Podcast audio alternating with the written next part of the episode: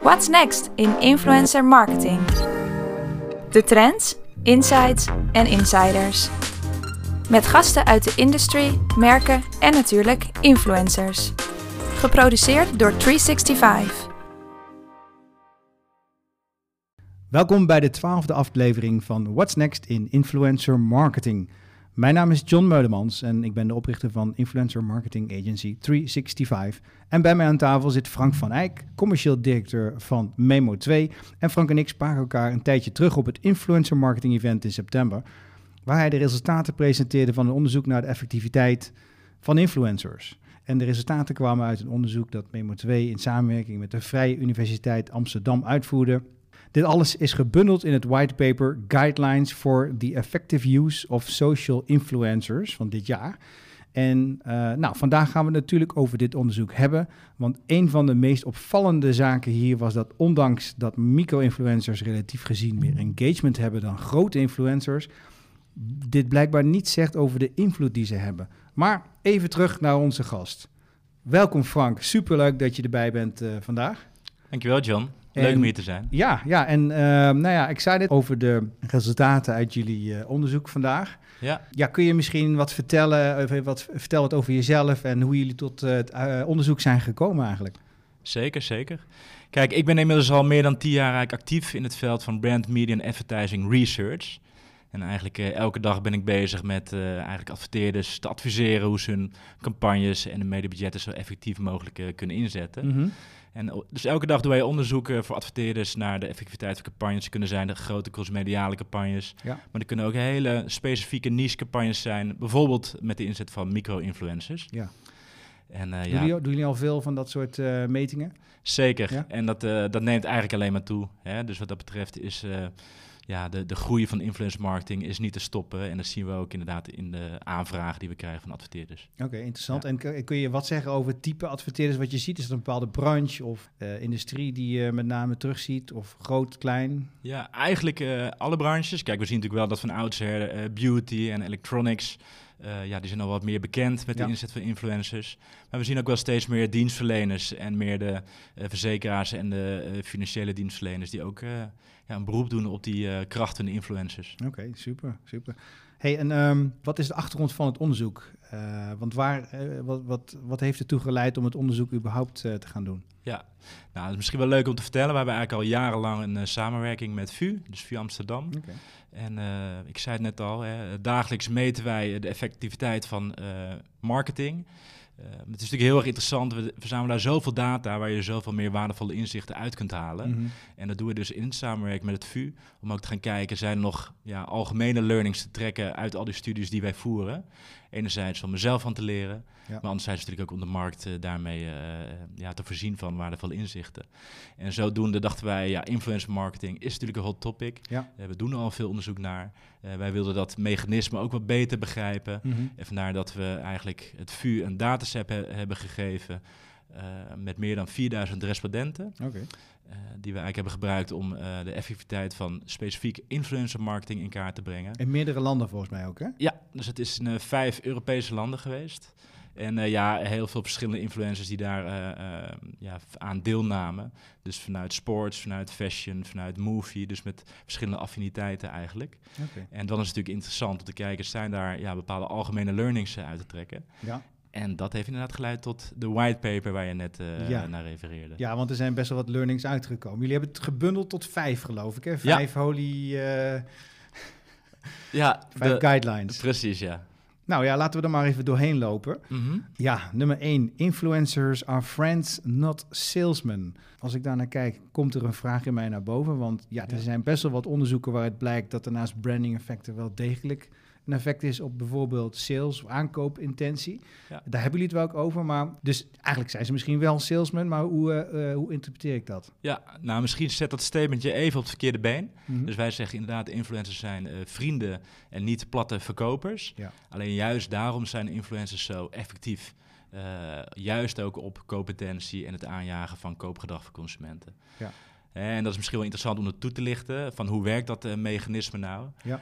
Ehm, wat we dus zien is dat eh, influencers worden gezien als vrienden, Mhm. mensen die nabij staan. Ja. En op een of andere manier eh, werkt het toch zo dat je een boodschap of een advies van een vriend, dat je het eerder aanneemt dan een advies of boodschap van, ja, misschien een platte verkoopspot eh, op eh, televisie. En wat heeft dit dan te maken met Harry Potter? Ja, ik denk dat je verwijst naar het voorbeeld wat ik gaf inderdaad op het eh, congres eh, van de influencer marketing. Eh, het is zo effectief wat ik net aangaf vanwege de parasocial interaction theory. Althans, dat zou een verklaring kunnen zijn waarom influencers zo effectief zijn. Ja. En waar verwijst die theorie naar? Het is al een hele oude theorie. We hebben het echt over 1956, dus lang voor de tijd van internet. Het verwijst eigenlijk naar een illusie eh, van het mediapubliek. Hè, dus mensen die naar tv kijken of misschien via social in aanraking komen met Ja. een publiek figuur. En het mediapubliek die het gevoel heeft een, een relatie te hebben, en eigenlijk een wederkerige relatie met zo'n publiek figuur. Ja.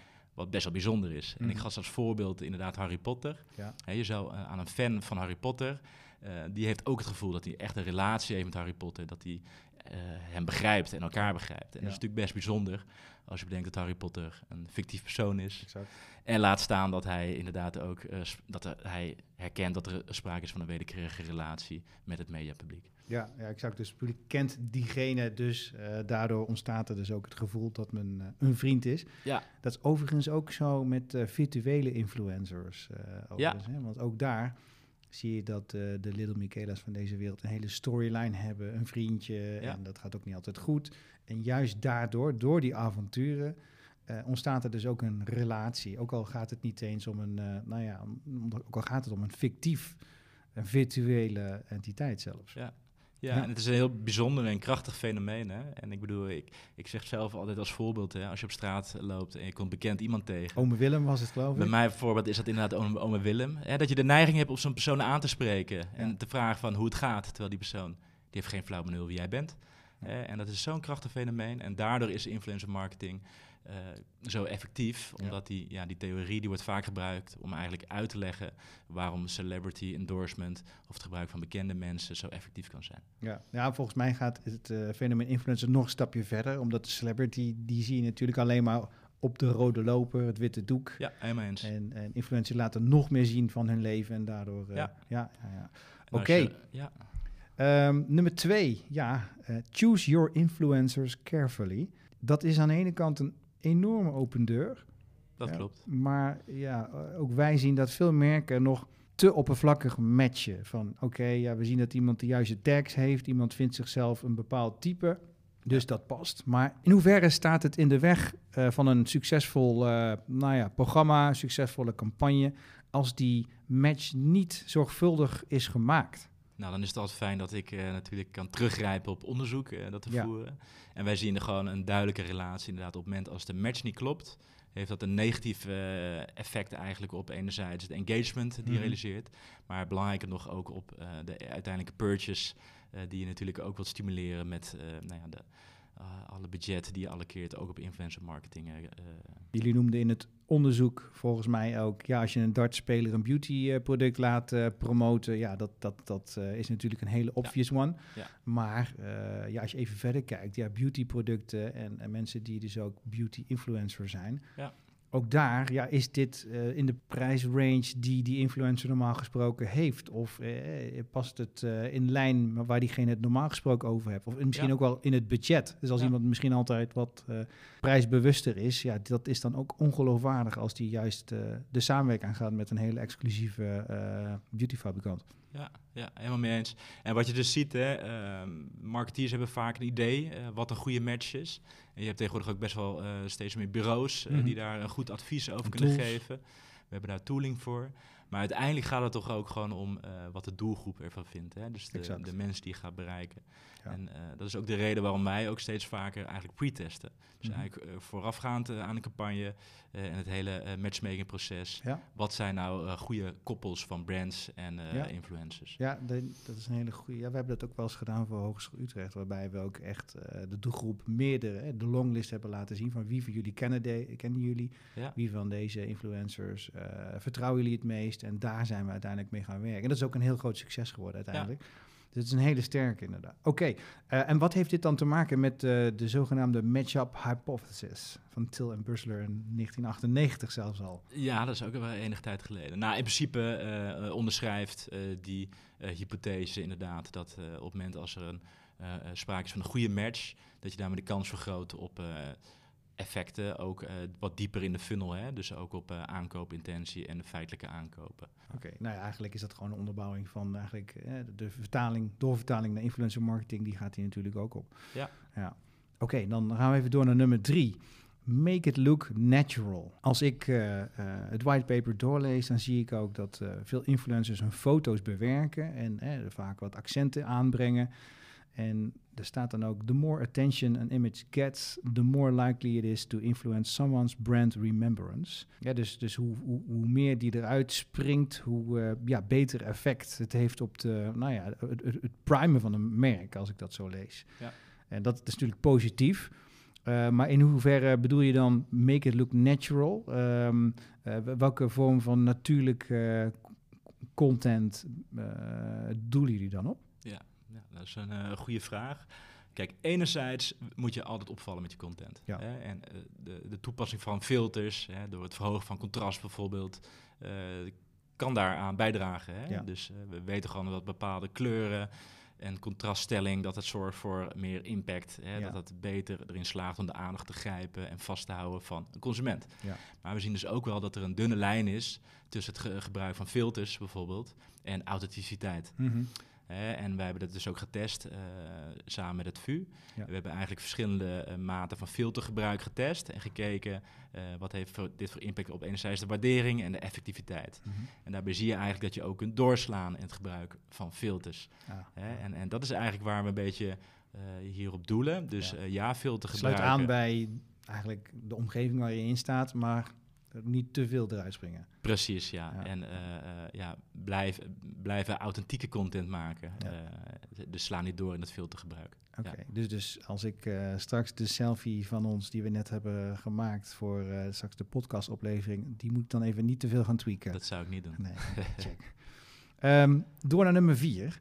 Popularity breeds credibility. Ja, en dat is dus super interessant. En dan zijn we ook eigenlijk aangekomen op de, de hot uh, topic natuurlijk. Ja. Hè, want iedereen kijkt nu naar micro-influencers die uh, vaak een hele hogere engagement hebben dan de grote macro-influencers. Ja. Maar dat staat dus los van invloed. Dat, uh, dat moet je even uitleggen. Ja, ja, dit was denk ik ook wel het meest controversiële punt uh, ja. wat we met deze whitepaper maken. Ja. En dat, nou, dat maakt nogal wat los, merken we ook in het vakgebied.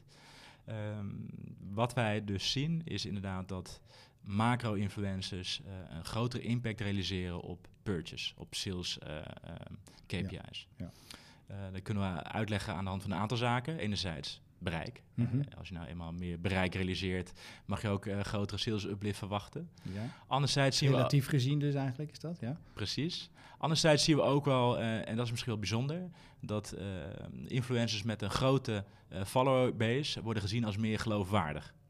En dat is op zich wel een hele interessante. Ja. Uh, het is dus toch zo dat op het moment als iemand veel volgers heeft, dat daar een soort van social proof omheen hangt. Aha. En dus zorgt voor die geloofwaardigheid van de influencers. Overigens willen wij niet zeggen dat micro-influencers niet effectief kunnen zijn. Uh, er zijn heel veel voorbeelden van uh, succesvolle uh, inzet van micro-influencers. Mm -hmm. Maar uiteindelijk, ja, en dat sluit toch ook wel een beetje aan op ehm, theorieën van Byron Sharp bijvoorbeeld. Mm -hmm. ja, uiteindelijk moet je toch ook gewoon een groot bereik realiseren om eigenlijk die pool van mensen die uiteindelijk kunnen converteren naar jouw product of jouw dienst, ja. om die te blijven vullen ja. bovenaan die funnel. Ja, nou ja, super interessant. Maar dat is betekent, hè, wat je net zegt, is dat hoe groter je bent, dan heb je een soort van social proof. Wat zorgt voor de invloed? En jullie hebben het dan ook over uh, invloed in, in, in, in een sterker effect, bijvoorbeeld op purchase intention, hè, aankoopintentie. Maar dat wil niet zeggen dat die engagement dus garant staat voor een hoger effect. Nee, en dat is een hele interessante. Sterker nog, in dit onderzoek tonen we aan dat er een correlatie is van nul van engagement en uiteindelijke uh, sales performance. Oké. Okay. Ja, en dan komen we eigenlijk op het laatste bommetje. Uh, jullie zeggen aim for a brand or sales objective, not likes. Mm -hmm. uh, ja, Dat zijn uh, wijze woorden, maar toch, uh, hè, we moeten langzaam weg van vanity metrics, horen we al steeds vaker. Likes en engagement, ja, dat zegt ook niet alles. Sterker nog, jullie gaan nog een stukje verder over dat effect wat likes en engagement hebben op sales en branding of het effect wat ze het niet hebben. Ja, dat was inderdaad ook een bommetje wat we nog eventjes hebben laten vallen. Ja. Ehm, kijk, onderzoek wijst uit, en daar zijn we ook niet de enige in, dat engagement is een hele goede KPI. Ja. Enerzijds om gewoon bijvoorbeeld je creatieve kracht uh, in kaart te brengen. Zeker als je vaker campagnes doet, kun je daar ook je campagnes op gaan vergelijken. Ja. Maar het zegt heel weinig over de uiteindelijke effecten die je ook realiseert. Enerzijds op merk, anderzijds op uh, purchase, dieper in de funnel dus. Ja. En sterker nog, wij zien inderdaad dat er geen correlatie is tussen enerzijds engagement en purchase intent. En we zien bijvoorbeeld ook geen correlatie tussen kliks en uiteindelijke uh, online sales. Ja, ik vind het wel shocking. Kijk, het is natuurlijk belangrijk. Ja, uiteindelijk, wat doe je het voor? Ofwel iets uh, op merkniveau, ofwel iets op salesniveau. Ja. Het enige wat, je, wat zou je dan wel kunnen zeggen, dat uh, die, uh, die vanity metric, de vanity metrics, dat likes en engagement, ja, dat doet iets, dat zegt iets over de content die je hebt gemaakt wellicht. Wat natuurlijk wel weer goed is voor het algoritme van de sociale netwerken, dat je hoger komt te staan. Zeker. Dat is natuurlijk allemaal superleuk, maar ja, on the bottom line heeft het toegedragen, of heeft het heeft het bijgedragen aan sales of branding? Nee. Nee. nee. nee. En eigenlijk is het ook bijzonder hè, als je er eventjes bij stilstaat. Uh, op het moment als je kijkt naar de groep mensen die iets doet met je post, ja. dus het shared of het liked, dat is natuurlijk ook maar een hele kleine groep eigenlijk. Ja. Misschien is het 5%, misschien is het zelfs wel 20%. Mm -hmm. Uiteindelijk heb je ook nog een groep van 80% of 95% uh, die niks doet met je post. Maar waar je wel degelijk mooie effecten hebt kunnen realiseren. Ja. misschien zijn het wel mensen uh, die wel je product hebben gekocht. Of uh, een wel positieve beeld hebben van jouw merk. En daarom is het eigenlijk ook zonde dat we ons beperken tot die kleine groep mensen die Ja. ook uh, iets doet met je post. Ja. En daarom is het ook ons advies om te kijken binnen die brede doelgroep en daar onderzoek te doen. En onder die doelgroep te kijken, zien wij inderdaad een brandlift. Zien wij inderdaad dat de purchase intent toeneemt onder die groep mensen die bereikt. Ja, precies. precies. Eh, Dat wil natuurlijk niet zeggen, hè, jullie zeggen zelf ook, if the target audience doesn't react, like or share, it's still very likely they've been influenced. En hè, dat is dus ook hè, die grote groep waar je het over hebt. Ja. Daar gebeuren echt wel dingen. Ja. Ehm, goed, als je dan gaat kijken naar hè, wat zijn dan wel de juiste KPI's, dus niet likes en engagement, nou dan Mhm. kom je dus KPI's als branding en sales, hè, aankoopintentie. Ja. Hoe meten jullie die dan? Hè, want als je daarop gaat sturen, dan moet je daar natuurlijk ook, ook kunnen meten. Ja. En eh, wat zijn dan methodieken die jullie daarop toepassen? Ja, nou wat eigenlijk eh, onze visie is, dat je altijd onderzoek moet doen onder de groep mensen die je ook daadwerkelijk hebt bereikt met die content. Ja. Hè, als het nou gaat om een tv-spot of om eh, super getargete online campagne, wil je juist onder die groep zien of er inderdaad sprake is van een brandlift.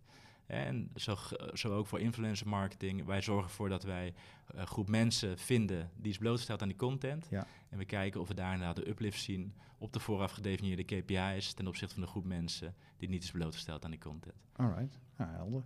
Ja, tenslotte, eh, waren er nou nog meer guidelines die jullie whitepaper niet hebben gehaald? Want vijf, ik kan me voorstellen, want jullie ligt hè, onder jullie eigen onderzoek, daar ligt nog veel meer onderzoek. Ja, Ja, ik, heel veel eh, onderzoeken die worden ook aangehaald.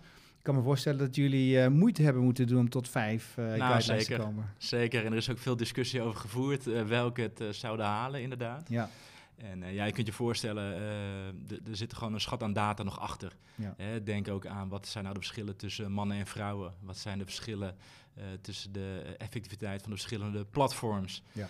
Hè, dat zijn allemaal inzichten die we wel, wel hebben, maar die we niet hebben gevat. eh, Volgende binnen dit whitepaper. whitepaper. Dat wordt inderdaad misschien wel de volgende whitepaper. Ja. ja. oké. nou, als je nou zelf nog een zesde guideline zou moeten geven voor, eh, voor de luisteraars, wat zou dan die zesde guideline zijn? Ja, dat is een goede vraag. Ik denk, ehm, zoek ook naar de synergie. En wat ik daarmee bedoel, hè, ehm, zoek ook naar de synergie met de overige eh, media-inspanningen en marketing-inspanningen die je voert. Ja. Wat we steeds vaker doen, is dat wij voor adverteerders ook de totale mediamix evalueren. Mhm. Waarbij we er ook kijken, wat is dan de bijdrage van de influencer marketing in die totale mediamix. En daar zien we dat er heel veel synergie, synergie eh, Ja. te behalen Zie je valt. dan meer effecten indien de integratie plaatsvindt tussen de andere middelen?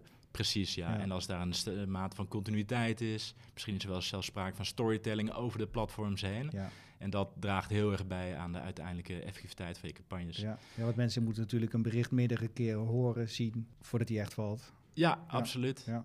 En wat mij dan uh, uh, opvalt, en wat ik dan ook wel eigenlijk een beetje jammer vind, en dat is misschien ook gewoon inderdaad onderdeel van deze laatste guideline, uh, als ik dan bijvoorbeeld ben op een event uh, voor tv, mm -hmm. noem, een Screenforce bijvoorbeeld, ja. dan zie je dat er nog heel erg wordt geageerd op de online wereld. Ja. En andersom gebeurt het eigenlijk ook een beetje. Mm -hmm. Je ziet dat de influencers in de online wereld weer een beetje afgeeft op de traditionele tv-wereld. En ik geloof niet dat die werelden zo gescheiden hoeven te zijn. Nee. Ik denk dat het heel erg goed is om juist daar de samenwerking op te zoeken. En dat is ook wat ik bedoel met die synergie. Ja. Hè, op die manier vergroot je gewoon nou, eigenlijk het rendement van je media inzet. Een mooie guideline, Frank. Dus uh, integratie en zoek de synergie op tussen de andere middelen. Ja, oké. Nou, samenvattend, als ik even terugkijk naar de belangrijkste insights. Um, ja, toch kijk verder dan de zogenaamde vanity metrics als likes en engagement. En zet dus in voor die ultieme matches. En niet de eerste, de beste influencers uit een portfolio uh, kiezen van een agency of uit een netwerk. Uh, Frank, dankjewel uh, voor het delen van deze inzichten. Super waardevol. En ik hoop dat we zo weer op deze manier een campagne of programma ergens succesvoller hebben gemaakt met deze tips. Dankjewel. En mocht je als luisteraar interesse hebben in het onderzoek of in het whitepaper, stuur dan een mailtje naar mij, john at 365.co. En dan, uh, dan stuur ik je een exemplaar toe. Oké, okay, nou dankjewel en tot de volgende keer.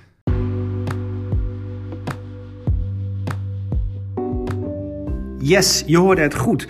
Leuk die engagement van micro-influencers, maar dat zegt dus niets over daadwerkelijke invloed en impact op branding of op sales. Likes en comments mogen dus eigenlijk alleen een KPI zijn als je doel puur is om de engagement te verhogen op je socials.